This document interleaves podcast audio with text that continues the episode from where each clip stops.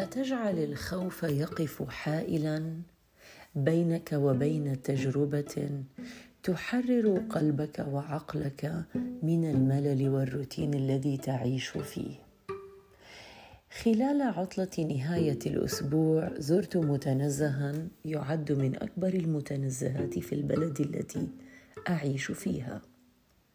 حجزت في كثير من المخيمات التي موجودة داخل ذلك المتنزه. لم تكن على سوية من الترتيب الذي كنت أطمح إليه ولكن ذلك لم يوقفني بأن أستمر بتحقيق مغامرة أردت القيام بها منذ شهور وشهور كثيرة. قررت أن أركب سيارتي وان أسوق لساعات وساعات وساعات لأكتشف جمالا لم أكن أعرف أو أتصور أنه موجود في هذا العالم. قال لي الأصدقاء بأن ذلك المتنزه هو جوهرة جميلة. لم أوقن بتاتا كم هي كانت جميلة. من عظم تلك التجربة عدت وكأنني خاوية.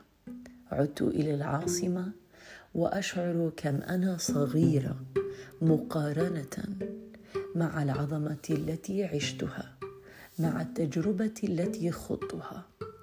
البعض سيقول بأنها كانت مجرد تجربة روتينية وأنا أرد على الأشخاص الذين يخافون بالقيام بهذه التجربة خوفا من أن يتعرضوا إلى مخاطر قد تحصل نعم ولكن فرص حصولها ضئيلة جدا.